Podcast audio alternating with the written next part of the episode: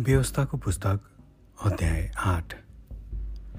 परमप्रभुलाई नभुल्नु। मैले तिमीहरूलाई आज दिएका सबै आज्ञा होसियार साथ मान कि तिमीहरू जीवित रहन र सङ्ख्यामा बढ्न सक र गएर परमप्रभुले तिमीहरूका पिता पुर्खालाई शपथ खाएर प्रतिज्ञा गर्नुभएको देशलाई अधिकार गर्न सक।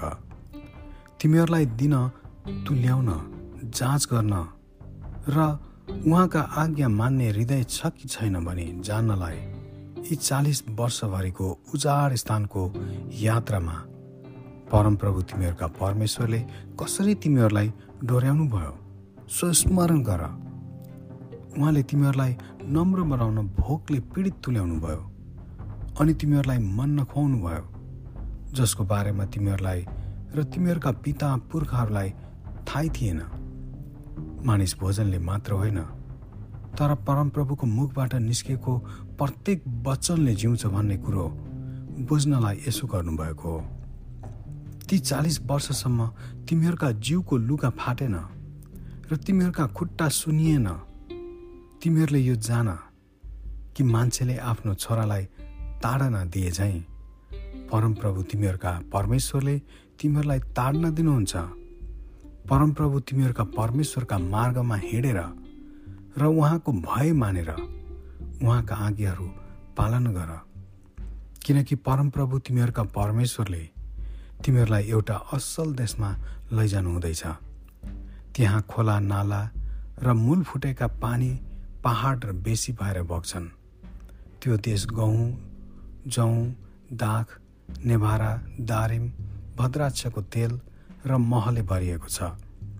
त्यस देशमा तिमीहरूलाई अन्नको अभाव हुने छैन। त्यहाँ तिमीहरूलाई कुनै कुराको घटी हुने छैन।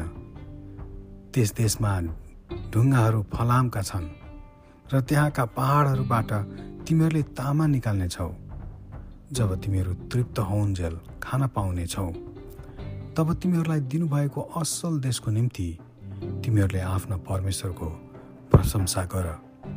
सावधान बस।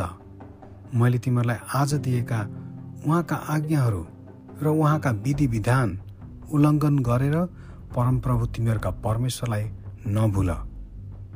नत्र त जब तिमीहरू खाएर तृप्त हुनेछौ र राम्रा राम्रा घरहरू बनाएर बस्नेछौ जब तिमीहरूका बगाल र बथानको वृद्धि भएर जानेछ र तिमीहरूका सुन चाँदी र तिमीहरूसित भएका सबै थोक प्रशस्त हुनेछ तब तिमीहरू अहङ्कारी भएर तिमीहरूलाई दासत्वको देश मिश्रबाट ल्याउनु हुने परमप्रभु तिमीहरूका परमेश्वरलाई भुल्नेछौ उहाँले तिमीहरूलाई विषालु सर्प र वृक्षहरू भएको निर्जन र रुखको भूमि भएको विशाल र भयानक उजाड स्थानको बिचमा डोर्याउनु भयो। उहाँले तिमीहरूका निम्ति पहाड चट्टानबाट पानी निकाल्नुभयो। अन्त्यमा तिमीहरूको भलो होस् भनेर उजाड स्थानमा तिमीहरूका पुर्खालाई थाहा नभएको मन नखुवाएर उहाँले तिमीहरूलाई नम्र तुल्याउनु भयो र जाँच्नु भयो। हाम्रा हातको शक्ति र बलले यो धन सम्पत्ति हामीले कमायौँ भने तिमीहरूले मनमा सोचौला। तर परमप्रभु तिमीहरूका परमेश्वरलाई सम्झ। किनकि उहाँ नै तिमीहरूलाई धन सम्पत्ति प्राप्त गर्ने शक्ति दिनुहुन्छ। यसरी नै उहाँले तिमीहरूका पुर्खाहरूसित बाँध्नुभएको करार स्थिर गर्नुहुन्छ जो आजसम्म छँदैछ। म आज तिमीहरूलाई यो कडा चेतावनी दिँदैछु कि तिमीहरूले परमप्रभु आफ्ना परमेश्वरलाई बिर्स्यौ र अन्य देवदेवताहरूका पछि लागेर तिनीहरूको आराधना र पूजा गर्यौ भने तिमीहरू अवश्य नष्ट हुनेछौ। परमप्रभु आफ्ना परमेश्वरको वचन पालना गरेनौ भने तिमीहरूलाई पनि परमप्रभुले तिमीहरूकै अघि नाश गर्नुभएका जातिहरू चाहिँ नाश गर्नुहुनेछ। Amen.